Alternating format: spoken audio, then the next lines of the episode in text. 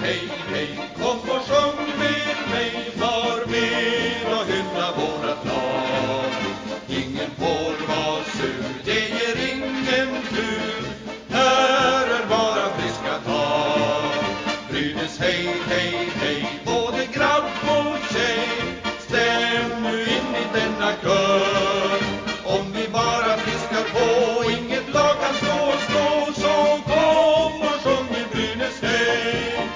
Ja, då sitter jag här på länk tillsammans med Jonas Sundqvist och Dan Ekholm. Två personer bland flera som ligger bakom det omtalade initiativet. Ja, vad ska man säga? Brynäs kan bättre-gruppen väljer jag att kalla er för i alla fall.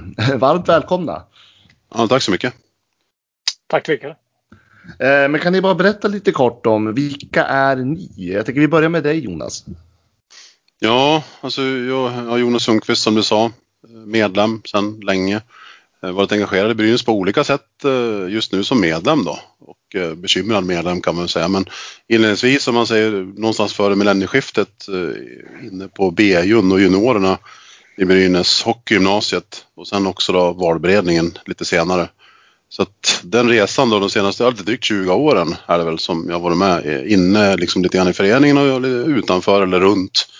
Och ja, jag känner såklart många då genom det och det är väl någonstans därför vi sitter här nu men det, det kan vi återkomma till. Det här, ja, att vi är bekymrade för Brynäs såklart och vill det bästa för Brynäs. Ja, precis som Jonas, mångårig eh, medlem och engagerad inom Brynäs i olika roller. Började en gång faktiskt 99 och eh, var med och startade upp eh, brynäs.se, det vill säga hemsidan där. På den tiden väldigt mycket teknikfokus, kanske inte så mycket innehåll och, och content eh, som, som det är nu för tiden. Men, men eh, på den vägen är det. Jag jobbade med webbradiosändningar och eh, lite liveintervjuer i arenan eh, när det begav sig. Och, eh, sen kom jag in på valberedningsarbetet och blev invald i valberedningen mellan 2008 och 2014. Så att, eh, har varit engagerad i olika roller och eh, precis som Jonas är väldigt bekymrad medlem här under det gångna året. Ja, eh, för eh, ni, ni kom ju ut nu i veckan på Gefle Dagblad. Eh, ska man säga det kanske slog till som en liten bomb eller vad man ska säga med eh, ett helt gäng som eh, stod till förfogande att ställa upp i styrelsen och sen så länkade man ju till den här hemsidan brynäskanbättre.se. Och Är det någon lyssnare som inte har eh, hängt med i det så gå in på den hemsidan så kan man ju läsa lite. Eh, men där ser man ju flera namn som är gamla medlemmar i föreningen och, och det är ju stor, alltså det är en ganska stor grupp ändå som är bakom det här. Men hur började det här? Kan ni berätta lite grann hur det här initiativet startades? Så det har väl egentligen varit en process i flera år kan man säga utifrån en Brynäs ja, utförsbacke eh, resultatmässigt med herrlaget. Ehm, det är klart att det har ju skapat mycket frågor och det har sparkats tränare och det har varit många sådana signaler utåt som, inte har varit så bra. Alltså ett tecken på att Brynäs inte mår bra. Och jag tror vi nog var för sig har, har mått dåligt av det och ser det här med Brynäs. Vi vill ju något helt annat såklart. Alltså Brynäs bästa är ju det som är för ögonen. Så att, det har väl gått så långt någonstans den här säsongen med allt som har hänt om man säger under hela säsongen. Så att någonstans efter årsskiftet där så börjar det som, ja men det här kan inte fortsätta, det här liksom, det går inte. Och då börjar man ju prata med de, de som tänker likadant och då har vi haft eh, lite olika eh, ja, vad ska jag säga, konstellationer som man pratar i och till slut så blev det liksom en grupp av det här som är de här personerna som finns med på, på hemsidan. Som har olika erfarenhet och kontakter och så när det gäller Brynäs. Och som är bekymrade som vi sa och vill att det ska hända bra saker. Ehm, och så ja, på den vägen är det kan man säga. Och sen eh, det här pratar vi om liksom effektivt eller så här, intensiteten har väl ökat allt eftersom det har hänt saker. Det som då egentligen slutade med kvalspel och i samband med det också det här som har, har varit väldigt mycket på, i fokus nu då med, med de här spelarna och så. Men där någonstans kände vi att nej men vi behöver göra någonting. Vi har haft kontakt med valberedning, vi har haft kontakt med styrelsen och försökt få dem att berätta vad är det som händer, vad, är, vad ser ni, vad behöver hända? Eh, hur kan vi liksom samla Brynäs för att vi ska komma framåt nu?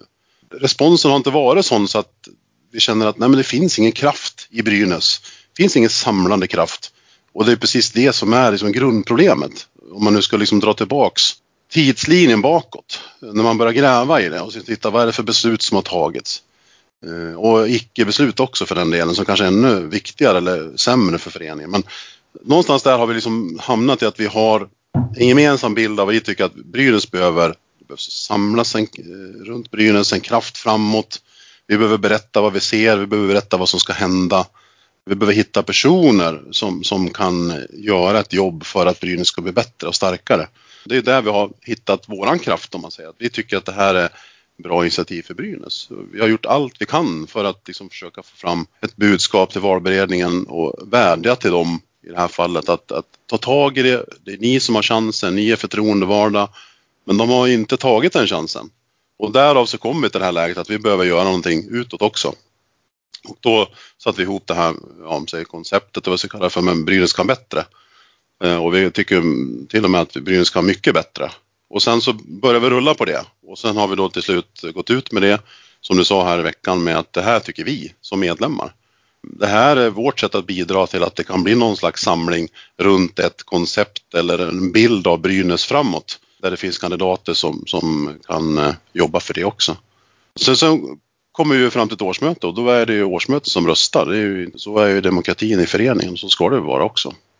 Ungefär så kan man säga har väl den resan sett ut. Personligen så när, jag, när det gick upp för mig att vi, vi, vi har ett icke fungerande, rent ut sagt dysfunktionellt ledarskap på många plan i, i föreningen så jag blev väldigt ledsen att man, jag vet att det sitter duktiga och kompetenta människor i dagens styrelse men de har valt att inte göra någonting åt det.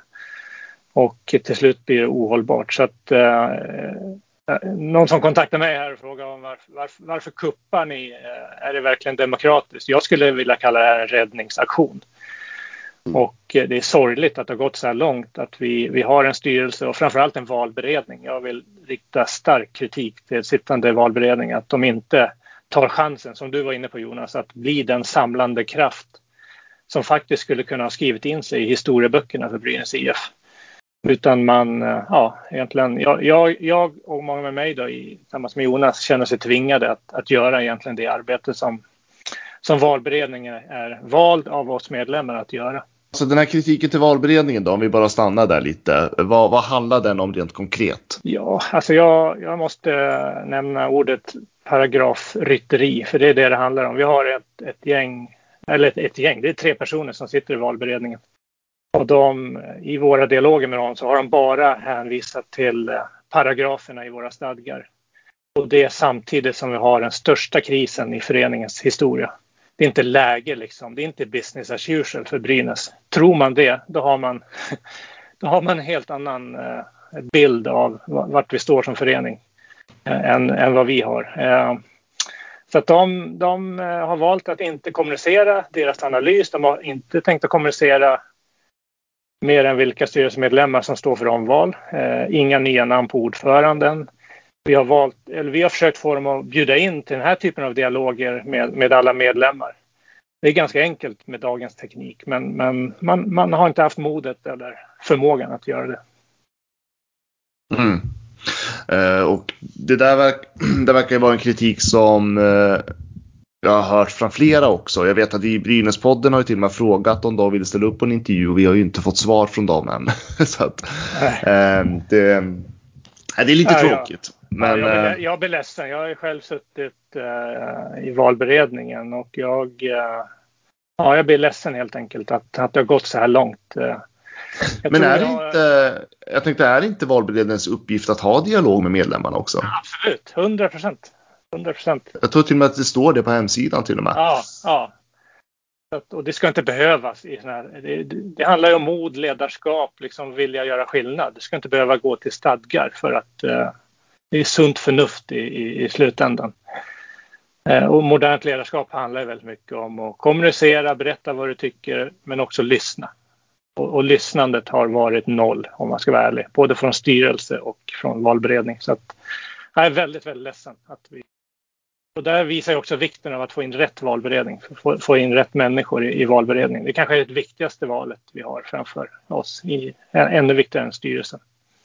Mm. Eh, och hur har dialogen med styrelsen varit då? För ni, jag hör ju att ni är besvikna på det, men liksom har det funnits någon form av dialog med eh, nuvarande styrelse? Ska jag säga på individbasis. Vi har ju lyssnat av eh, så gott det går att prata med både ordförande och andra kandidater. Men, eh, och, och, det är just, jag kan se en styrelse som är lite eh, kanske för traditionell. Man har delat upp eh, arbetet i olika silos eller arbetsgrupper. Någon har marknadsansvaret, någon har HR och kommunikation, någon annan har sporten. Det, det, så ser inte verkligheten ut. Eh, men i samhället i övrigt så förändring går otroligt fort nu. Man behöver jobba som ett team, man behöver ha, man behöver ha eh, olika glasögon när man tittar på olika eh, problem och det gäller även i en styrelse som, som måste mer och mer jobba som ett lag. Inte bara ett, eh, sju stycken individer som kommer med någon form av spetskompetens och, och som jobbar med sina en, enskilda saker. Och det tror jag att eh, med det förslag vi har kan det bli en rejäl skillnad. Om hoppa mm. in där Dan så är det ju, alltså samspelet är väl, alltså det är ju det vi vill se på isen. Det är ju inte fem eller sex individer på isen heller som agerar var för sig utan det är ju precis när man, när man spelar ihop som det blir bra. Och det kan man väl säga någonstans att det finns en liknelse med att det, fungerar inte, det har inte fungerat bra på isen eh, egentligen i många år om man pratar herrlaget nu då. Till skillnad från damlaget där det har funkat allt bättre. Och det är samma sak med styrelsen. menar, det är inte ett antal individer som åker omkring utan de ska ju samspela för att bli bra. Och när man backar som jag sa tidslinjen så ser man ju det här, tycker jag ganska tydligt, att det är just ledarskapet hela tiden brister i. Och samspel. Eh, och när det gick som bäst för Brynäs, om man backar väldigt långt tillbaka, så var samspelet och ledarskapet det som var styrkan. Där man hittar rätt personer på rätt plats och så vidare. Eh, och det har inte vi haft på ganska länge. Vi har haft eh, år där det har funkat bra rent sportsligt om vi pratar här sidan och så har man liksom nöjt sig lite med det. Ja, det gick ju bra. Vi var i final eller ja, vi vann ju sitt guld för 8-9 år sedan nu. Men däremellan så finns ju inte kraften och den här samlingen som behöver finnas i en förening som ska leverera på högsta nivå. Om vi nu pratar herrarna hela tiden här, för det är liksom det som är det mm. tunga. För damsidan funkar ju som det är just nu. Ja, det funkar bra. Ja. Men samtidigt har det också varit eh, ett krisläge för något år sedan bara. Så det visar ju att när man sätter till rätt person på rätt plats och jobbar hårt för en gemensam sak så går det bra. Eh, och jag tror att man tittar på verksamheten, om man ska titta lite större på den, så, så finns det ju bra verksamhet i föreningen på, på många delar. Eh, men när man kommer till den konkur mest konkurrensutsatta delen som är här, här hockeyn då har vi inte levererat bra på, på, på en hög nivå på länge. Eh, och då får man ju börja fundera på vad står det för egentligen? När det är hög konkurrens är vi inte så bra. Nej okej, okay. då får man liksom börja tänka på vad behöver istället hända? Och då tänker vi, hela tiden så kommer vi tillbaka till det med ledarskapet. Eh, hur man hanterar situationer eller hur man inte hanterar situationer. Hur man rekryterar och varför man rekryterar de man gör. Eh, vad är det för grund vi står på när vi ska rekrytera? Nu finns det ju jättemånga roller som ska rekryteras till i föreningen. Men vad är det för bild vi tittar på när vi ska rekrytera klubbdirektör, sportchef, tränare? Det finns eh, junioransvarig ledare, det är väl ungdomsansvarig, det är försäljningschef, det är kommunikationschef, det är säljare. Eh, ja, det, det, finns alla möjliga roller som ska besättas och det är också ett lagbygge. Och frågan är liksom, vem är det som ser vad som behöver göras för att då bygga ett starkt Brynäs framåt? Vad, man, vad, vad, har man för idé när man, man ska bygga? Hur, hur säger man det utåt till medlemmarna eller till omvärlden i stort. Och det är som tystnaden är kompakt kan man säga. Då finns det ju inget förtroende där heller. Och hur ska man då kunna bygga en förening tillsammans med alla samarbetspartners man har som också tycker att förtroendet är lågt för Brynäs? Ja, men då behöver man en omstart, en nystart.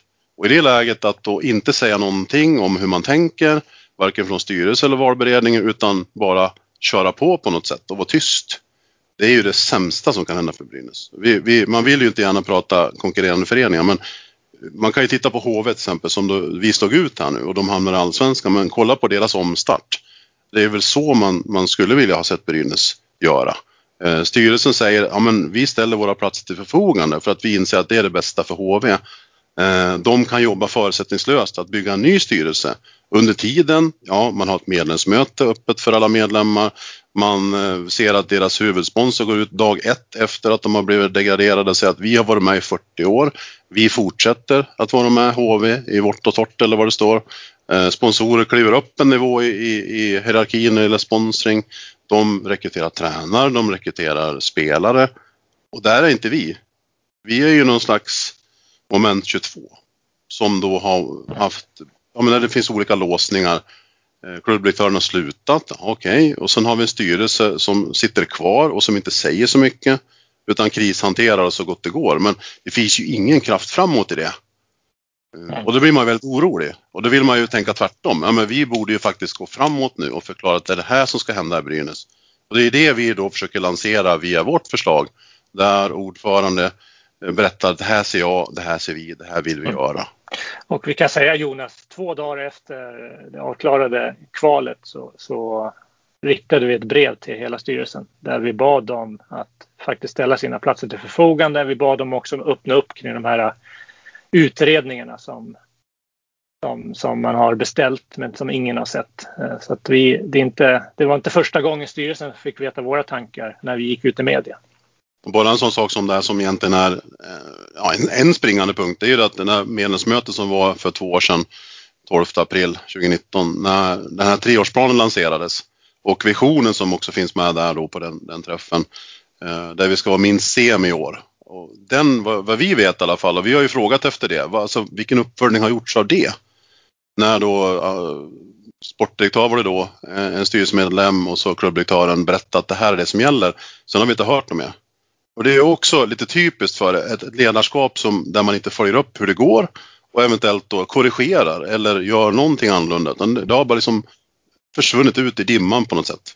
Och då står vi här, nästan i allsvenskan och det har liksom inte fått någon konsekvens egentligen heller hur man tänker eller hur man kommunicerar. Så att, återigen, ledarskapet är egentligen frånvarande skulle jag säga. Det har ju nämnts i alla fall att i alla fall den här treårsplanen, man har ju sagt att man har reviderat den, men man har ju inte sagt hur. Nej, det är lite spännande för det är svårt mm. att veta då vad, vad är det som gäller. Och det, lite grann går ju det här igen i att det ska lanseras någonting nu den 17.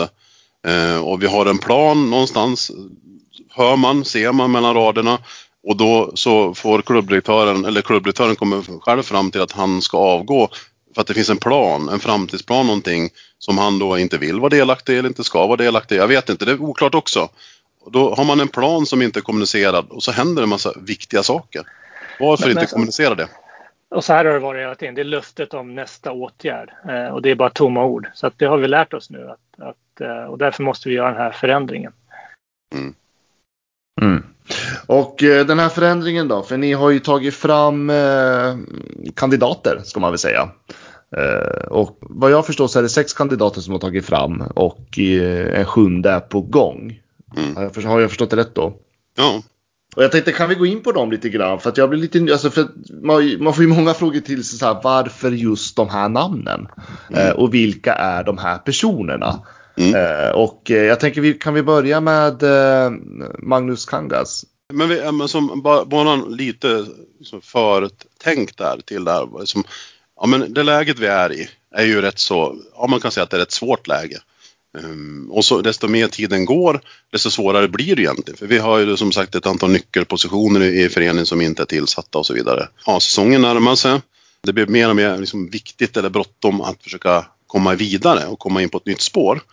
Och i det läget så, så kan man ju tycka att ja, men vi måste ha nystart och omstart. Vi behöver en ny styrelse som då kan skapa ett förtroende framförallt för, för föreningen gentemot ja, hela omvärlden skulle man väl kunna säga. Då har vi sett i tidningarna hur, hur den bilden ser ut. Men i det läget så kan man ju tänka sig att vi ska avgå alla brukar ju vara populärt att säga. Men, men problemet blir ju då att om man kastar in sju pers personer som är helt nya eh, så kommer det bli en väldigt lång startsträcka. Och det är precis det vi inte behöver. Så att då behöver man ju mixa det här med att ett antal personer som kommer in med ny frisk kraft. Och, och vi tänker dessutom att man behöver mixa det med personer som har erfarenheter av arbetet i Brynäs på något sätt. Så att man kan få en bra mix i det laget som vi pratar om. Alltså samspelet behöver ju funka i princip på en gång. Och man behöver sätta igång massa aktiviteter och som ett program för att då göra en omstart. Och med det som lite bakgrund så försöker man ju hitta kandidater som funkar i det sammanhanget. Som funkar var för sig men också tillsammans. Och i det läget då så har ju Magnus Kangas som du pratade om Eh, som är på SCA idag och ska byta jobb då till ett annat jobb. Han har då varit med i styrelsen och han har ju beskrivit i veckan här vad, vad, som, vad hände medan han var i styrelsen.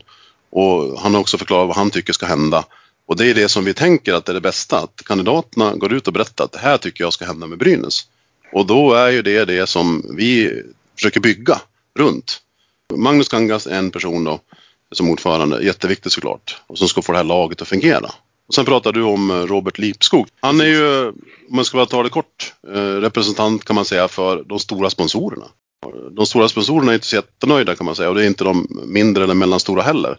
Så han blir en viktig person egentligen att samla den kraften och se att nu finns det en väg framåt för Brynäs. Så att det är väl de två första personerna man kan säga. Sen om man ska lägga på där, Hans-Göran Karlsson till exempel då är ju för detta klubbdirektör. Eh, och hans styrka tänker jag, ja men han har varit med tidigare, han vet vad det handlar om. Sponsorerna har ett högt förtroende för honom också. Han eh, har kontakter i Hockeyligan, eh, Hockeyförbundet, känt namn som dessutom då kan bidra med erfarenheten av att sanera ekonomin. För det var någonting som han gjorde, organisationen, på ett bra sätt då när han var inne som klubbdirektör. Där har liksom, ja, vi börjar bygga, ja men här är det tre personer. Och sen tittar man ju då på Elin Dit, kommunikation, som har varit med tidigare, Vilda Brynäs också, ingen lång startsträcka. Vi har ju Liselott Sving som har en kontakt med ungdomshockeyn, ekonom också. Och så har vi Johnny Strid som, som också, förutom att han är en bra hockeyspelare sen tidigare då, har gjort en civil karriär och är rätt så erfaren på, på den sidan som kan bidra till det gemensamma också. Så att eh, på, på det sättet kan man ju bygga laget. Mm, mm. Sen, ska, sen, får man ju se. Alltså, det är ju en speciell situation då, för hade det varit så att styrelsen hade sagt att eh, vi ställde våra platser till förfogande så hade det funnits möjlighet att jobba med alla platserna. Men rent formellt, om man säger utifrån medlemsdemokrati och de beslut som är tagna på, på årsmötet så är det ju, vad vi vet nu, är det ju en plus tre som ska väljas. Mm, det gör att det här lagbygget blir mycket svårare. Mm. Kan man lugnt säga. Så där står vi någonstans då. Det här gick ju ut som någon form av, vad ska man säga, paket eller vad man ska säga. Och eh, vi, vi fick ju någon fråga sådär liksom så här, ja men om det är så att styrelsen inte ställer, upp, eh, ställer sina platser till förfogande då eller att eh, det finns andra kandidater där ute som eh, medlemmar tycker att de här personerna ska in istället för någon av de här. Är det här personer som ändå tänker att de kan kliva in i styrelsen? Jag tänker om man, om man börjar med frågan där, om, den är egentligen hypotetisk, hoppas jag och tror det. Att personer som sitter i styrelsen idag, de måste ha så pass god självinsikt hur kan man efter den här, de här åren och speciellt den här våren titta sig själv i spelarna och säga att Nej, men jag, jag, jag, tror på mig själv, jag tror jag kan bidra till Brynäs. Jag skulle vilja kalla det för omvänd bevisbörda. Antingen, antingen har man något att dölja, att det skulle vara drivkraften att sitta kvar, eller har man personlig vinning för att sitta kvar. Båda de är absolut ingen bra kriterier för att kliva in och fortsätta jobba för Brynäs. Det tredje är ju att man anser sig kunna vara en del av att lösa upp alla de problem vi har och återskapa förtroende. Men då måste du ut och berätta om det som styrelseledamot idag i Brynäs. Du måste gå ut via egna kanaler eller i media. Eh, för valberedning, de gör ju inte något jobb som vi har konstaterat. Så att vi vet ju inte. Och jag skulle vilja kalla det för om, omvänd bevisbörda där. Men om jag går tillbaka till frågan. Jag tänker, är det här person, alltså tänker ni att de här, någon av de här personerna ändå kan tillhöra en styrelse även om det inte blir just den här gruppen? Du menar befintliga Ja, alltså ja, eller om det blir en helt ny styrelse fast det kanske inte blir de här alltså, Hänger ni med jag tänker nu? Du tänker att om det blir. Eh, ett antal personer som inte är egentligen tänkt som ett lag utan det blir sju personer som är inröstade. Liksom lite, alltså jag tänker för att det handlar ju ändå om föreningsdemokrati mm. och är det så, för det, mm. det, kan ju finnas kandidater som ingen känner till än. Som eh, presenteras och eh, som det kan ju vara någon herre eller kvinna som mm. medlemmarna tycker att ja, men, den här personen vill vi verkligen ha in. Och då blir det kanske inte just den här gruppen som ni har föreslagit då. Men, ja, men har, vi, ni, har ni bara, tänkt någonting i det? Absolut, det är bara att kontakta oss. Nu är inte vi formellt valberedningen, men om man ser oss som den alternativa valberedningen så självklart. Och vi, vi månar ju om, vi måste ju vända kulturen att ha en, en öppen och transparent dialog. Så att, men sen vill jag bara uppmana alla som lyssnar på det här. Det här handlar inte om att tillsätta eh, sju Zlatans. Vi, vi, behöver bygga ett lag. För, för krisen vi befinner oss i, den är, den är total. Så, så att det här det är ingen lek längre den, vi vet inte hur illa ekonomin är till exempel. Vi måste ha personer som, som litar på varandra, som, som står för de här värdeorden vi pratar om med öppenhet, kommunikation, transparens och som kan göra det här hårda jobbet tillsammans. Men självklart har man liksom eh, har man duktiga individer som man tror skulle vara ett bra komplement till det här laget, hör av er. Absolut. Men då tänker ni att det är det här laget som ska in då? Ja, vi försöker ju bygga det här laget och, det, det, är såklart det bästa för Brynäs är att, man, att det finns ett förslag. Det har vi försökt också och försöker fortfarande egentligen att uh, skapa den dialogen. För det är det bästa för Brynäs. Och sen så krävs det ju flera för att kunna ha en dialog också så att vi, men vi ger oss inte på det utan um, det bästa som alltid, ja det hade varit valberedning hade öppnat upp för diskussion. Men vi ser ju inte riktigt det och då blir det ju en väldigt speciell situation. Tyvärr. Mm. Det är inte det bästa för Brynäs. Sen, sen, så får man ju se på årsmötet. Det är det årsmötet som bestämmer vilka som sitter i styrelsen och då får man ju utgå från det och göra det bästa av det. Men inför årsmötet så handlar det om att tänka, men vad är bästa möjliga lag för Brynäs i den här situationen?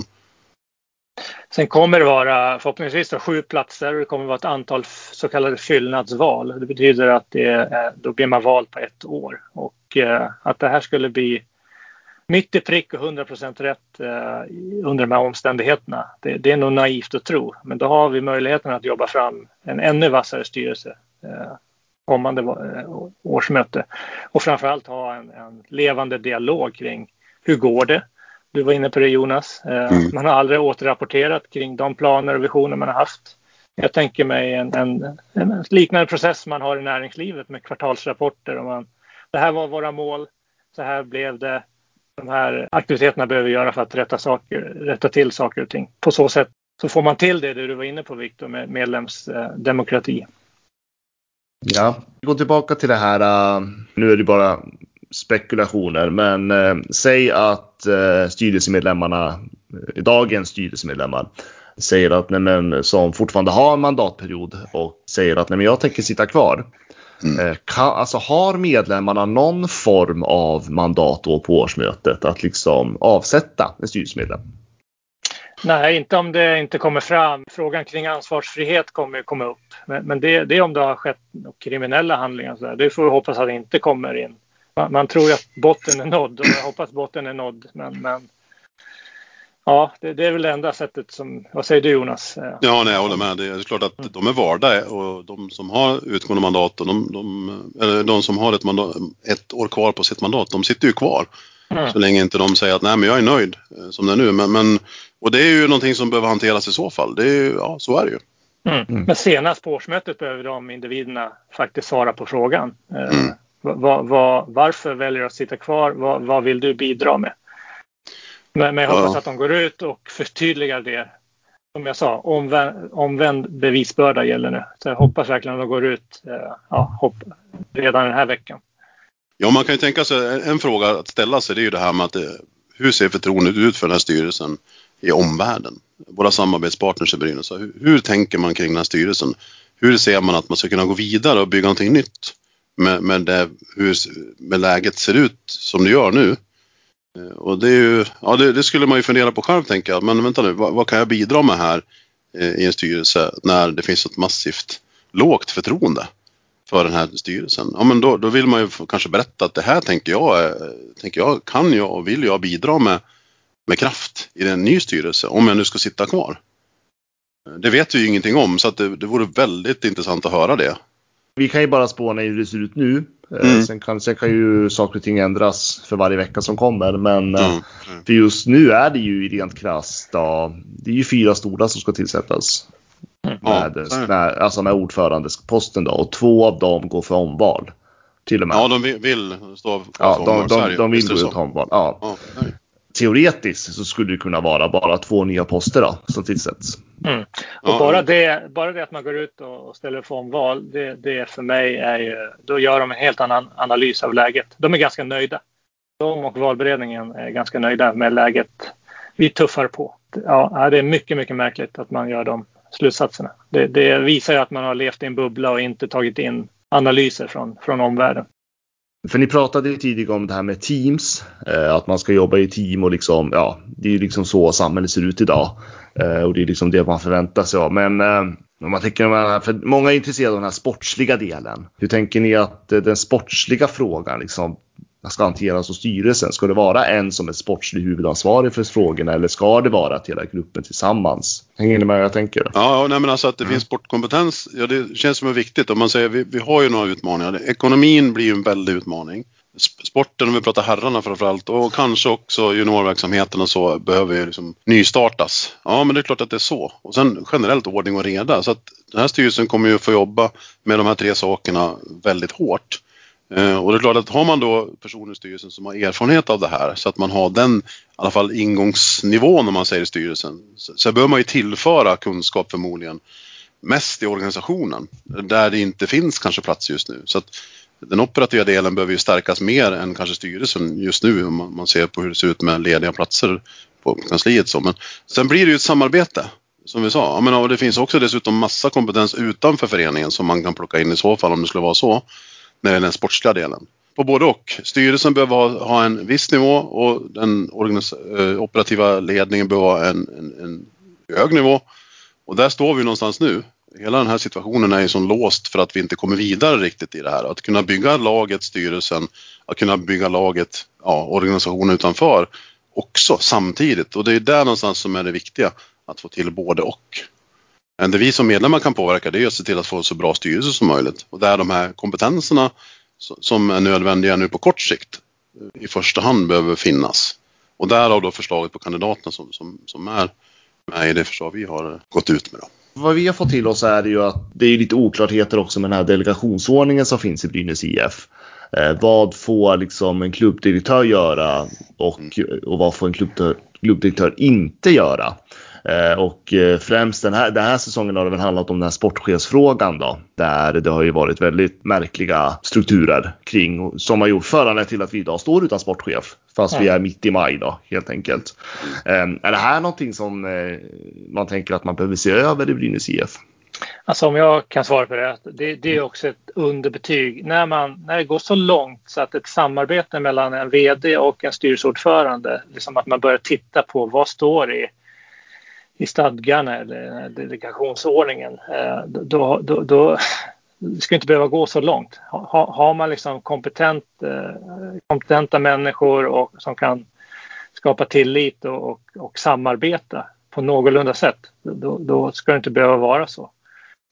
Eh, så att, att, det är otroligt viktig dynamik mellan en styrelse och den operativa ledningen. Och jag, jag tycker att man ska kräva att man det ska finnas en röd tråd egentligen från lagkaptenerna på isen i, i våra lag till, till tränare, sportchefer, eh, klubbledning och styrelse. Och ibland ska man också kunna eh, få, få, få höra vad de tycker tillsammans. Det har vi aldrig upplevt de senaste åren i, i Brynäs. Snarare så har man baktalat varandra. Och, återigen, väldigt dysfunktionellt och eh, jag tror inte det handlar om att se över någon, någon eh, föreskrift eller policy. Jag tror att det handlar om att få rätt, rätt personer med en, ja, med en höjd i sitt ledarskap, både på den operativa sidan och i styrelsen. Kommer man till frågan om att om, om det finns en besluts och delegationsordning, då är man liksom lite fel ute från, från början. För det, det ska det ju finnas och det står i stadgan också om man vill luta sig mot det. Så att komma med den frågan nu liksom i det här läget, det, det signalerar ju väldigt konstiga saker.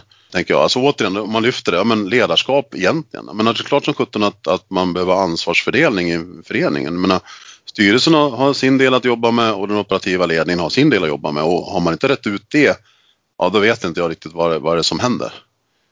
Och det är väl därför vi står där vi gör i och för sig också. Mm. Men det är inga konstigheter egentligen, men, men det som är konstigt är att man, att man liksom hamnar på den nivån i diskussionen nu. Det är väl någonting som man i så fall reder ut man, om man ska ha en ny konstellation, en ny styrelse och en ny operativ ledning. Då reder man väl ut vad det är som gäller och sen så kör man på det och följer upp det. Hur, hur funkar det och vad behöver vi utveckla och vad ska läggas till och vad ska tas ifrån? Men det är konstigt om man kommer efter ett antal år och liksom har den frågan levande i så fall fortfarande. Det är inte bra ledarskap kan man väl säga i alla fall. Mm. Nej, och det, och det, har man ju förstått. Eh, jag tänker bilden man har av Brynäs IF det är ju att eh, det har ju varit väldigt mycket att man jobbat i mindre grupper på något vis. Eh, och sen så har man liksom, eh, ja men precis som ni säger, man baktalar varandra och det har varit liksom, det är relationer sedan gammalt och så att det, liksom, det är svårt att förändra i Brynäs. Eh, och det vet jag ju flera som har sagt, särskilt personer som har kommit utifrån och in i föreningen. Jag har ju själv varit inne i föreningen. Det, det finns ju väldigt gamla strukturer. Eh, det är ju en gammal förening. Nu har ju många personer lämnat, även personer som kanske har jobbat i föreningen väldigt länge också. Hur skapar man möjligheterna för det här? Alltså, det är klart, behövs ju ett tydligt ledarskap, men, men det är ju fortfarande personer kvar i föreningen idag som jobbar som är tjänstemän i föreningen. Fångar man upp dem så att det liksom ska bli en samlad kraft? Alltså att Brynäs kan bättre, det är, det är väl ganska klart och jag tänker att det, det som behöver komma till det är att jobba tillsammans. Så jag tror utifrån den erfarenhet man har själv av ledarskap och kanske medarbetarskap så det, det är inte speciellt kul att gå till jobbet när man känner att man jobbar för sig själv.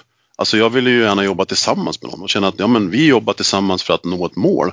Och då är vi tillbaks på ledarskapet. Jag menar, hur ser moderna ledarskapet ut? Jo, men det är att försöka samla individer runt en gemensam arbetsuppgift, göra så bra man kan, utvärdera det och gå vidare därifrån. Och ha en, en långsiktig riktning också som man jobbar för, men att man löser de dagliga grejerna på ett bra sätt tillsammans.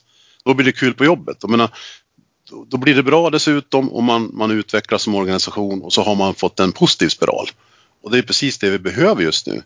Uh, och det är det vi försöker också bidra med för att, att säga det vi säger, säga det vi ser, säga det vi tycker behövs. Vi ger förslag på, på kandidater som vi tror och tycker att har den förmågan att bygga lag, att göra saker tillsammans. För det är det som vi tycker är Brynäs. Det här som vi ser nu, det är för oss inte Brynäs. Vi tycker att Brynäs kan bättre och då tycker vi att mm. vi ska bygga det Brynäs framåt tillsammans. Och alla kan bidra på sitt sätt. I det här fallet så pratar vi om en styrelse och det är ju ett sätt att bidra. Men det finns ju massa andra roller också som behövs för att man tillsammans ska bygga Brynäs starkt. Det är där vi står nu. Vi, må, vi behöver bestämma oss. Ska vi bygga Brynäs bättre och starkare?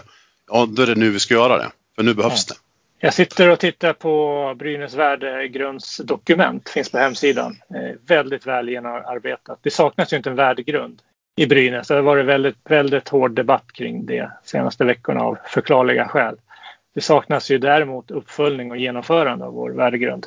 Men där finns det fem ledord och den tycker jag ska genomsyra hela organisationen oavsett om du är anställd, spelare på isen eller sitter i styrelsen. Man pratar om hållbarhet, man pratar om stolthet. Idag är det inte, man är inte särskilt stolt att vara brynäsare. Det är inte en attraktiv mötesplatsklubb varken för unga killar eller tjejer som kanske ska välja sin första eh, hockeyklubb. Eller för anställda för den, den, delen. Man pratar om hunger som det tredje ledordet. Eh, där, där nämner man måluppfyllnad. Ja, det, har, det har vi sett att det har inte noll fokus på, på måluppfyllnad och måluppföljning. Man pratar om gemenskap eh, och förtroende. Det, det, ja, det, det, det behöver man inte säga så mycket om. Lagarbete nämns under den rubriken också. Och sen engagemang, sista pelaren i, i, i den här värdegrunden. Där man pratar om delaktighet och kompetens. Och delaktigheten har, har ju, ja, vi är ju ett tecken på att det har varit noll delaktighet. Annars skulle det inte sitta här. Utgå från det som finns. Det finns väldigt fina tankar. Eh, men låt det bli levande. Utbilda nya spelare i det här. Diskutera med, med kombination av styrelse och, och operativ ledning. Eh, och följa upp på en regelbunden basis. Det är då man kan få en långsiktig hållbar utveckling. Det du säger egentligen är att man, man behöver gå från ord till handling. Mm. Bra. Bra summerat. För det är väl lite det det handlar om. Jag ja. tror det är det många känner också att eh, ja, men det, det, alltså backar man bandet eh, ja, men, ja, redan 20 år tillbaka nästan. Eh, det har ju varit, det har ju varit, det är mycket lovord. Eh, det är mycket ambitioner, det är mycket visioner, det är mycket vi ska vara topp fyra, vi ska vinna SM-guld, vi ska vara ett topplag. Och så har vi bara kommit förbi kvartsfinalen en gång på nästan 20 år. Eh, det är liksom, och det är väl det som jag upplever också om man pratar med många medlemmar och supportrar och sådär att folk har ju ledsnat på det där lite grann. Mm. Eh, utan att eh, man vill ju nog, det är klart att man behöver ju någon som berättar och ger lite och ger ett förtroendegivande intryck naturligtvis. Men man vill, man behöver, man vill ju se lite handlingskraft också. Mm, mm. Sen har jag sett väldigt kompetenta näringslivsmänniskor eh, som kommer in i en idrottsförening som Brynäs och blir lite förblindade. Så man lägger bakom sig all erfarenhet och kompetens man har kring ledarskap, eh, uppföljning, Eh, Eh, ja, egentligen basic för att, för att leda en komplex verksamhet som, som vilket företag som helst som Brynäs faktiskt är idag. Men någonting händer ju och, och det är ju någonting magiskt kring en idrottsförening. Det är ju någonting utöver det vanliga. Det är därför vi, vi är så engagerade och, och, och, och, brinner och man vet aldrig hur det ska gå. Det är inte som en film på bio där man kan förvänta sig ett lyckligt slut utan det finns en, en extrem liksom, nerv. Och, men jag tror att man måste uppmuntra de som går in nu i Brynäs att vara bli inte så förblindade utan lita på, ni sitter där för att ni har en erfarenhet, ni har, ni har ett förtroendekapital, använd det. Mm, och det är lite som jag har sagt i alla år. Men jag har ju suttit på otroligt mycket möten eh, med både ledning och ibland vissa från styrelsen, men ofta är det ledningen mm. Eh, som jag har träffat. Och eh, pratar man med de här individerna en och en mm. så märker man att alltså, det är ju kloka människor. Det är kompetent folk. Det är liksom, de har erfarenhet, de har liksom kunskap. Men det är någonting som händer när de kommer till Brynäs IF. Ja. Och eh, det, det, har jag tagit upp i den här podden väldigt många gånger. Men det är någonting som gör att det liksom inte... Och sen, och sen blir det här och så, och så ses det som ett misslyckande då. Eh, det slutar ju ofta med att folk skriker tycker att de ska gå. Så kommer de till nästa organisation och där blommar de ut igen. Ja. Nej, och jag tror att vi har hört många externa eh, rekryterade ledare som kommer till Brynäs. Eh, både sport, sportchefer och tränare och, och Eh, senast nu klubbdirektör. Så jag hör orden som att ja, men jag har fått fria fria tyglar. Jag, jag är här för att eh, som göra en total förändring. Men all, alla organisationer, alla verksamheter som har hundra år på nacken plus har, kommer ju med en, en, ett nuläge och, och en, en, historik. Det går aldrig att... Eh, det är ingen startup vi pratar om. Det går inte att börja helt med... med så det tror jag också att vi har gått bort oss i lite. Viljan att göra någonting annorlunda har, har gått lite för långt. Mm, mm och det situationsanpassade ledarskapet har, har försvunnit. Liksom. Det tror jag vi såg på isen i, i den här vintern också. Vi... Absolut. Eh, för jag tänker ju att man pratar mycket om gamla strukturer i Brynäs IF. Vi behöver ändra vårt synsätt, vår självbild, vår kultur och så vidare. Eh, men det, det känns ju som att det, näst, det, det har nästan blivit så mycket att man pratar lite desperation i det. Eh, att vi måste förändra, ja absolut, vi måste ju förändra för tiderna förändras och liksom, vi kan inte hålla på precis som vi har gjort och man behöver hitta andra arbetssätt och så vidare. Men det känns ju någonstans som att det, det har blivit liksom, för så länge jag har bevakat Brynäs och, jag, och, och, och, den tiden jag jobbade i Brynäs så har man alltid pratat om att vi behöver förändras. Mm. Det är liksom hela, alltså, nu pratar jag tio år. Ja, som, jag, som, man har hört, liksom, vi behöver förändras. Ja, det har vi sagt nu. ja, och ja, vi vet, vi som jobbar med förändring på andra håll, vi vet att förändring är extremt komplext. Ofta tar det väldigt mycket energi. För ingen vill egentligen förändra. Så att jag tror att mer retoriken ska vara kring ständig utveckling, nyfikenhet och att, att ha processer och kultur att hela tiden vilja bli lite, lite bättre i, i allt vi gör. Eh, men, men de här stora transformationsförändringarna och ja, nu, nu står vi inför en sånt faktum att mm. vi behöver ha en rejäl nystart. Men någonstans behöver vi, vi ja, skruva lite på, på ja, retoriken och hur vi paketerar eh, återkomsten till att bli en riktigt, mm. riktigt eh, stark kraft inom svensk hockey. Mm. nu handlar det väldigt mycket om att vända den här trenden. Mm. Jag tror ju att det första som behöver hända är att man, man sätter sig tillsammans och så resonerar man. Vänta nu, vad behöver vi göra nu för att vända det här? Och inte bara att man säger att man ska göra det, nu får vi liksom visa, göra saker, berätta att vi gjort saker. Sen kan ju det gå bättre eller sämre, men ändå helt enkelt ha en plan, göra det och så berätta, nu har vi gjort det här och vi tänker så här framåt för att göra det enkelt för alla som står och tittar på eller som vill hjälpa till eller som finns, ja, varken som man, man, står utanför eller inne i organisationen. Jag menar, var transparent. Och det här är ju ett sånt nyckelord som jag vet också har varit i farten rätt ofta. Men, men man säger det men man, man, gör det inte. Eh, och jag tycker att det är så basic egentligen. Så att jag hoppas verkligen att vi, att vi kan bidra till det. Att men vi ser det här, vi tycker att det här behöver hända, vi föreslår det här och så, så får man ta ett årsmöte och så får man utvärdera vad som händer och sker när den här nya styrelsen, oavsett hur de kommer se ut, hur går det? Och det tänker jag att det är också någonting som föreningen behöver våga. Okej, okay, vi tog det här beslutet eh, därför att vi tänkte så här och det gick så där. Ja, men bra eller dåligt, men man får ändå stå upp för det. Det är väl det också. Det är ju en koppling till ledarskap det också, bevisningen. För att det, det vi har sett nu de här senaste månaderna visar väl det var som, alltså någon slags stresstest av organisationen och den har väl inte utfallit så väl kan man säga. Och då får man ju lära sig av det. Ja, men det blev fel, och, men hur ska vi kunna göra bättre? Och då behöver vi tänka så här. För att vara lite fluffig och luddig i det. Men ni förstår principerna. Man, man, behöver ta beslut och man behöver våga stå för dem och ibland blir det fel och då får man ta det. Men mm. att icke-besluten som finns ofta, det gör att det blir bara värre. Mm, mm. Och det kan, man, det kan jag tycka spåra bakåt i organisationen. Eh, oavsett vem som egentligen har funnits med i styrelse eller vad det kan vara. Men, men det, det finns en strykräddhet tror jag. Därför att någonstans har vi fått så mycket på tafsen över, över tid för att vi har varit otydliga, för att vi inte har visat vad vi står för.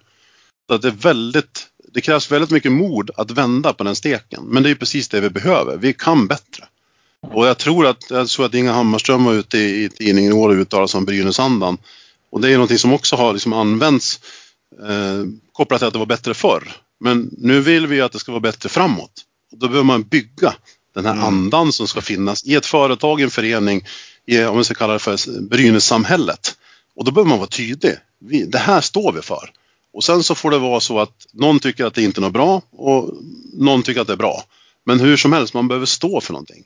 Och det är väl det också som gör att, att supportrar, att eh, spelare, ledare, sponsorer, alla andra kan hänga på. Vi står för någonting. Det är det här vi står för. Det syns på isen. Vi är bra när det går tungt. Vi är, vi är nästan som bäst när det är tuffa tag. När vi behöver vända matcher. Och det ska ju också vara samma grej i styrelse eller den operativa ledningen. Alltså det är det jag tror Brynäs står för. För mig i alla fall. Och jag tror att det är många som, som vill ha det så. Brynäs är laget som alla vill slå. Och det måste ju synas på alla nivåer. Oavsett mm. Eh, vilken roll man har. Och det är det vi behöver bygga tillsammans. Och då kan man inte som medlem heller säga att ja, men det får någon annan lösa. Jag som medlem kan sitta lugnt tillbaka luta. Det ska någon annan lösa åt mig. Nej, då får vi nog börja där som medlemmar också säga att jag tycker det här eh, om Brynäs och jag kommer att gå på ett årsmöte och rösta utifrån min övertygelse att det här är det bästa för Brynäs. Så att man tar ställning som medlem. För om inte ägarna bryr sig, vad hamnar vi i situation då? Ja, då, därför vi sitter här nu också egentligen, att ägarna har inte varit tydliga vad man vill ha. Och så ska någon annan lösa det åt den. Eh, så konsekvensen av att, om, man säger att man går till mig själv, Eh, det är att om jag är tydlig som ägare, som medlem och alla andra ägare och medlemmar också är det, då kommer Brynäs att bli starkt. Och det är precis det vi behöver. Så, så årsmötet den 22 juni är jätteviktigt. Det kan nystarten eh, som medlem, tänker jag, kommer där. Visa att man är engagerad och rösta på det man tror. Precis, och det är ju våran, eh, alltså vi som medlemmar, det är ju våran chans att faktiskt eh, påverka någonting nu. Ja. Eh, för att det är ju det som ni har sagt till att det är ju ingen som är nöjd med den här situationen. Det behövs en tydlig förändring och ja, det känns väldigt rörigt just nu och jag förstår att många är lite väldigt oroade över att ja, men vi, har, vi har ingen ledning. Ska vi då byta ut en styrelse också? Fast det kanske är det som behövs. Ja, åtminstone bör man ha en tanke om det. Alltså, mm, som säger, mm. nej, men det kanske inte ska vara sju nya personer, helt nya. Utan man kanske behöver bygga ett bra lag och då kan det vara någon som har erfarenhet och någon som inte har erfarenhet att vara i Brynäs och tillsammans kan man göra väldigt bra. Men mm. det behövs en tanke om det. För har man inte tanke om det, hur ska man då kunna få ett bra lag på isen i slutändan?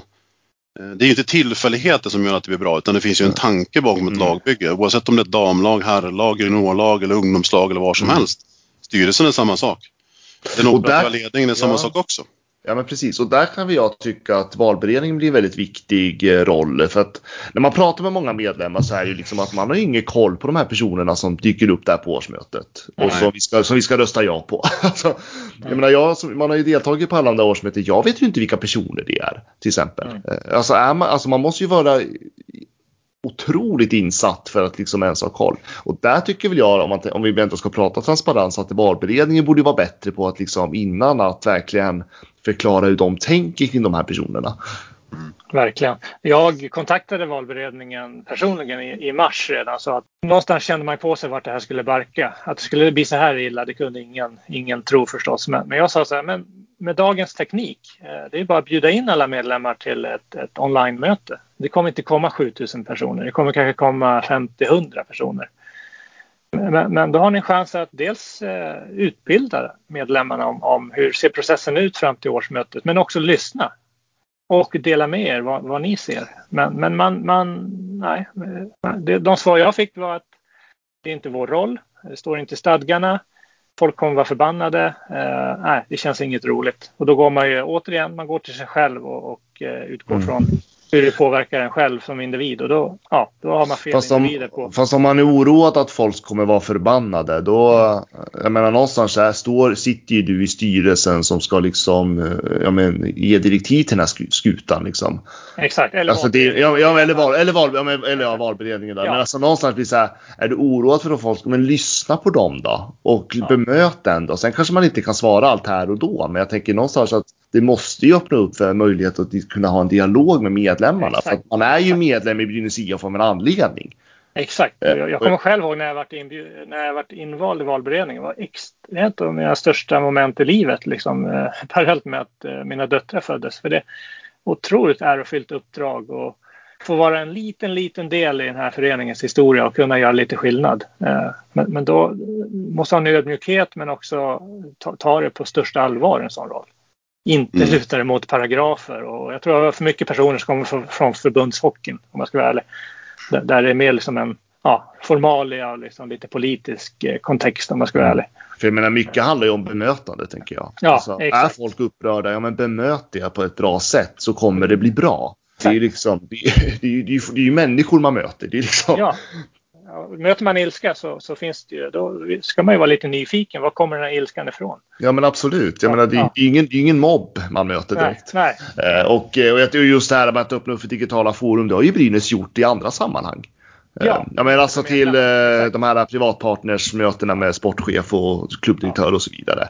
Det kan man ju ha med valberedningen och även styrelse också kan jag tycka. Ja, minst på eh, kvartalsbasis. Och det kommer ja. jag och Jonas driva vidare nu. Vi kommer inte själva kliva in i styrelsen. Det är inte därför vi gör det här. Vi, vi, och vårt uppdrag är nog inte slut efter det här. Fortsätta eh, bevaka att det blir, blir bra för oss medlemmar. Så att vi kommer ställa krav. Eh, Magnus Kangas pratade ännu om en 100 dagars plan. Jättebra. Eh, tydlighet och sen följer vi upp det efter 100 dagar. Justerar, eh, kommunicerar och, och sen har vi satt igång något som förhoppningsvis blir riktigt, riktigt eh, bra. Alltså det är ju sånt där som sätter värde på medlemskap också. För det är många som tänker så här, men vad får man som medlem? Man får mm. rösta, ja. Men alltså det är ju sånt där man vill ha som medlem. Alltså, mm. jag tänker, nu vet jag inte hur det blir med det här privatpartnersgrejen i framtiden. Eh, det är ju lite diffust, men för, för det, det, kan man ju tänka, okej, okay, men det kan ju vara en grej då eh, från ledningens sida och så vidare. Men när det kommer till de här styrelsefrågorna och valberedning och så, där kanske man som medlem vill ha lite grejer också. Ja, och nu tror jag vi, vi kommer vara i en situation där det blir väldigt, väldigt tufft ekonomiskt. Vi kommer behöva göra tuffa prioriteringar i vår förening och, och, och då ökar ju behovet av eh, ideellt engagerade medlemmar. Det finns ju otroligt mycket kompetens har vi märkt när vi nu har öppnat upp för dialog med, med olika medlemmar runt om i landet. Så, att, så att det saknas ju inte både sportslig kompetens men, men allt ifrån jurid, jurister, ekonomer, eh, IT-folk, eh, you name it. Mm. Ta, ta, vara på det. Det var så jag började en gång i Brynäs IF. Eh, kanske har blivit lite för professionella, lite för tjänstemannastyra. Jag vet inte. Jag tror Rolf Lassgård sa det i någon, någon intervju här. Tillbaks till den här, en modern kvartersklubb. Där har ju Brynäs ändå en klar fördel. Jag tänker på den här basen man har på ja, men supportrar och medlemmar som finns ute i landet. Liksom, man har ju väldigt bredd egentligen att titta på eh, ja. när vi pratar olika kompetenser eh, av personer som brinner för föreningen och vill hjälpa till. Eh, sen behöver det såklart spetskompetens på annat håll också naturligtvis. Men, ja. Eh, men, eh, ja, men det, är, det är en balans i det där. Jag sitter och svarar på mejl som vi får och man ser ju som sagt spridningen i landet, vad man gör, vad man tycker att man, ja vad ska hända? Eh, hör av er om jag kan hjälpa till med någonting. Så att den kraften försöker vi också se till att samla upp. Mycket idéer och engagemang som finns där och det kan vara gamla spelare eller det kan vara föräldrar till spelare och det kan vara någon sponsor här och där eller medlemmar som finns i ja, fiendeland om man får kalla det för det. Men, men, men alla har någon slags bild av vad, vad Brynäs är och såklart kan man samla ihop den skapa möjligheter att bidra på olika sätt. Och det kan ju vara som sponsor, det kan vara som att man går på matcher eller vad, man, vad det nu är för roll man, man tar sig eller har. Så, så ska vi försöka samla det för att det är det som Brynäs står för, tänker jag. Det är därför så, det finns så många anhängare av Brynäs ute i landet också. Mm. Och där behöver man ju också tänka offensivt och vara nyfiken. Hur kan man jobba mer med det? Och det tror jag nog att man, det är lätt att gå lite vilse där när det är så mycket annat fokus. Men, men vi ser ju att det finns möjlighet att göra någonting av det. Alltså kalla det för Brynäs community eller vad som helst. Men jag tror att det finns en stolthet där också, visa att man är Brynäs. Det hänger Brynäs-flaggor lite här och där i landet liksom, när det är matchdag. Fast man kanske då har ganska många emot sig om man säger på jobbet eller där man bor. Så. Men man, man vill stå upp för det och tänka att det behöver vi bygga vidare på för det är det som är framgången. Alltså jag tänker det behöver genomsyra det som händer på isen, det som händer i styrelserummet och det som händer på, i organisationen. Eh, det, det tror jag att vi behöver ta hand om på ett bättre sätt. Och det försöker vi mm. preppa de här kandidaterna vi föreslår att också jobba vidare med. När man nu som Dan sa har liksom kunnat ordna det här med ekonomin, ordning och reda och sitta och lösa det kortsiktiga. Sen så behöver vi faktiskt eh, lyfta blicken och kunna växa också. Mm. Brynäsandan, Brynäsandan 2.0 kanske? Ja, men... Alltså, Bry Brynäsandan och det engagemang som vi ser nu, det är räddningen för föreningen. Utan mm. den, då hade det varit kört. Och det, är, det gäller att samla det och kanalisera det och det är det som vi försöker göra genom att göra det, berätta det vi ser. Och vi hoppas att det kan hjälpa till på vägen. Det, Mm. det är därför vi gör det, för vi är väldigt oroliga för att vem ska annars göra det just nu? Det är ingen annan som kliver fram. Vi försöker ju kliva fram och visa vad vi tycker. Så att, och det tycker vi är, det, det är att vara brynäsare, att försöka skapa någon slags samling för någonting i det här läget. Och vi, vi tycker nog att vi har bra insyn så vi kan säga det också. Men och så backar man, det fortfarande ledarskapet det handlar om. Att våga kliva fram när det blåser och det är precis det man förväntas av en brynäsare. Det ska gå att vända matcher när det är som tyngst. Det är det som förväntas. Men då behöver man ha in personer som tar sig an det, som har det modet. Det är alla positioner egentligen, från isen upp till styrelserummet. Ja, Men så är det. Man ska inte sluta sig i ett skal när det blåser som mest. Och det är, det. Brynäs, det är ju det Brynäs har gjort i alla år. eh, Den senaste tiden. Eh, Det är, det är väl det som har föranlett till krismöten 2016, 2017 och nu är vi i kris igen. liksom. Ja, hittills har vi Eh, inte lyckats vända på den trenden kan man säga. Nej, Men- det men har vi, vi inte. Och, vi eh, försöker i alla fall bidra till det nu. Så får vi se. Och får vi samling så kommer vi kunna lösa det. Och det är det som behövs just nu.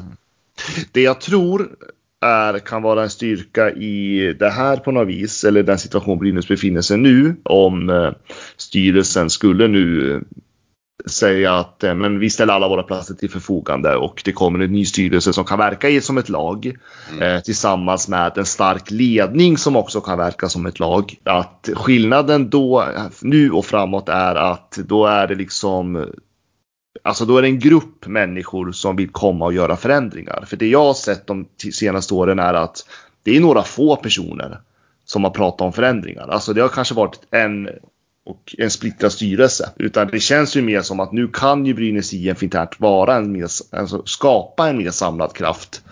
Och det är väl möjligheter som kanske inte har funnits tidigare. Nej, jag tror du är inne, inne på något väldigt viktigt där. eh, hur på spiken. Jag tror, man brukar säga att det som är självklart är bara klart för en själv. Och jag tror att många har liksom haft en, en, en självklar bild för sig själv i olika befattningar. Men den är inte synkad, den är inte kalibrerad Inte alls. eh, i, i, i, i, mellan olika funktioner, mellan styrelse och operativ ledning. Och där, då får du ingen kraft i förändringen.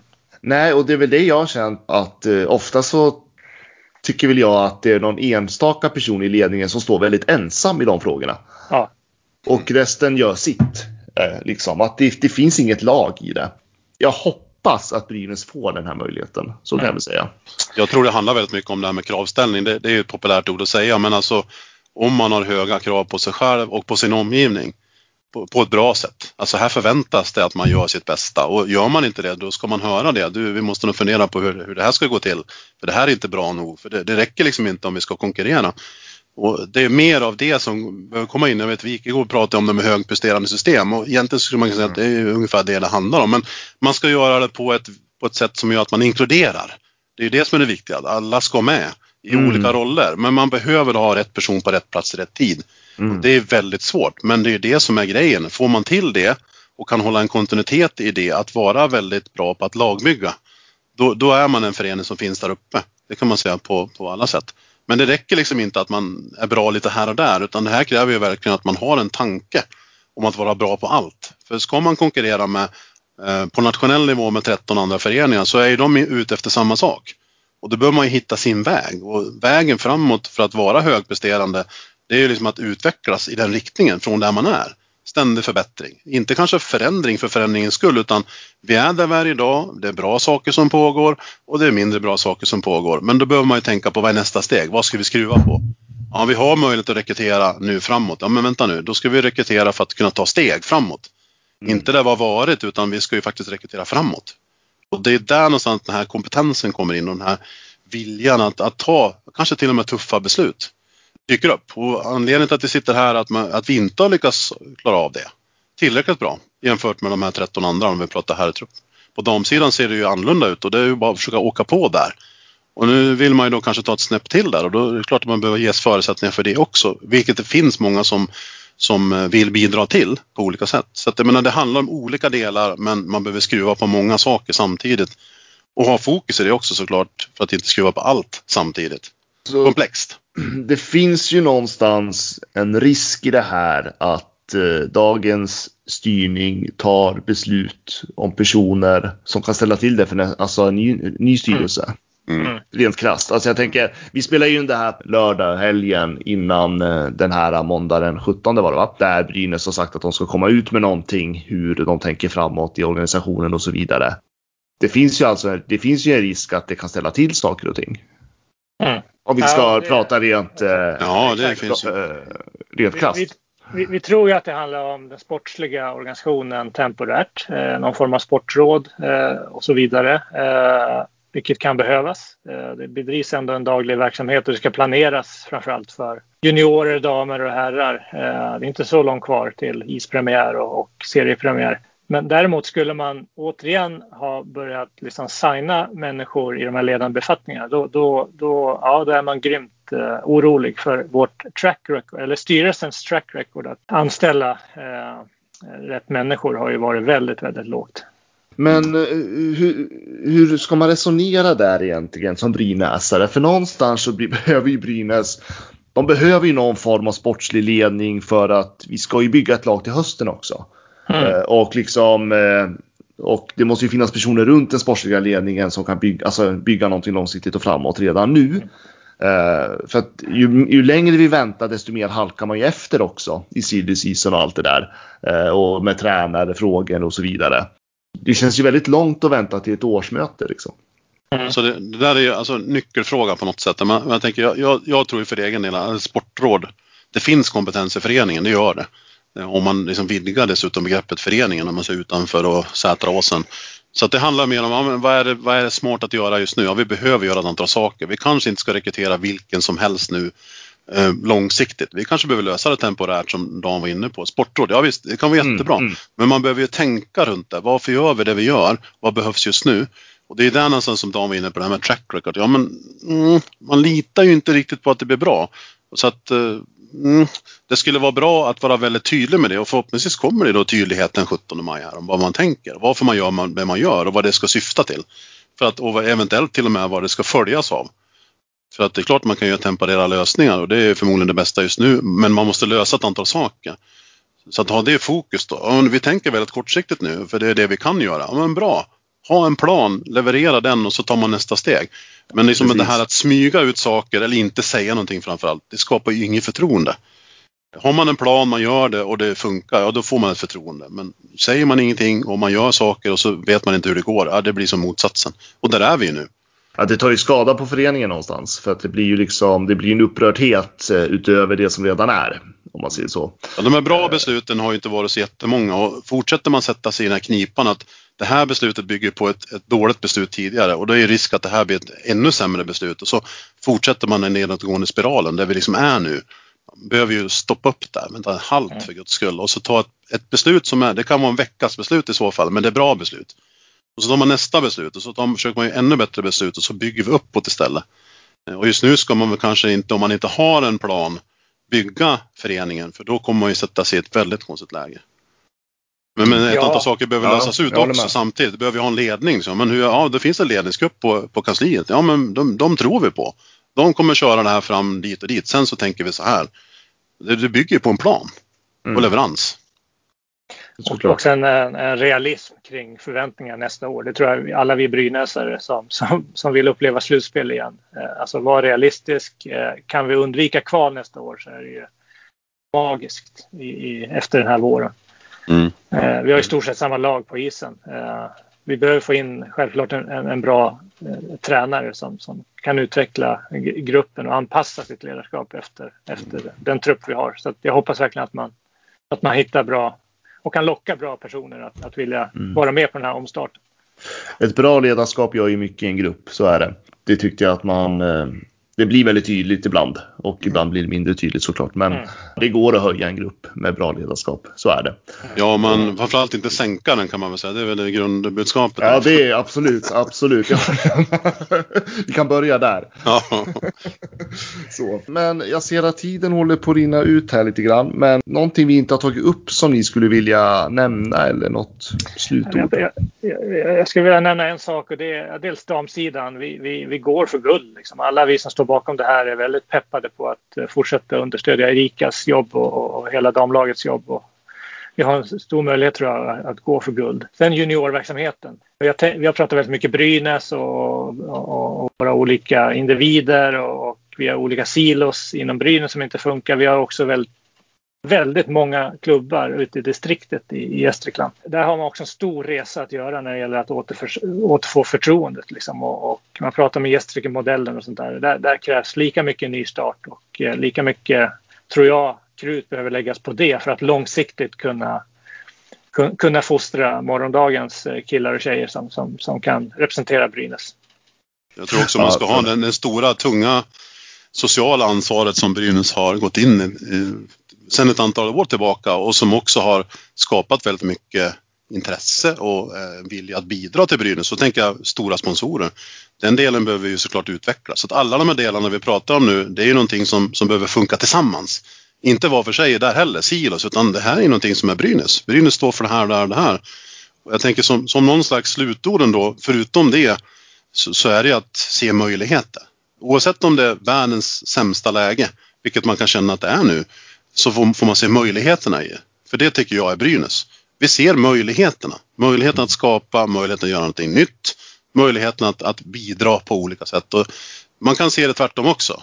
Eh, men känslan är att vinsten för oss nu är att se möjligheter och jobba tillsammans för att det ska bli en, en verklighet.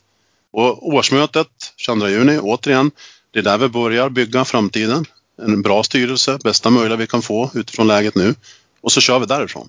Möjligheterna är viktigt att titta på. Det finns bara ett Brynäs IF. Tack så jättemycket för att ni ville vara med och ställa upp på en intervju på den här podden. Mm, tack själv. Tack så mycket. Och vill man eh, kontakta oss så finns det ju en hemsida, brynäskanbättre.se. Och där går det också att uh, mejla in och så frågor och funderingar eller idéer man har så svarar vi där. Ja, men toppen. Då får jag tacka så mycket och får vi se när vi hörs igen då helt enkelt. Jajamän. Tack så mycket. Mm, tack.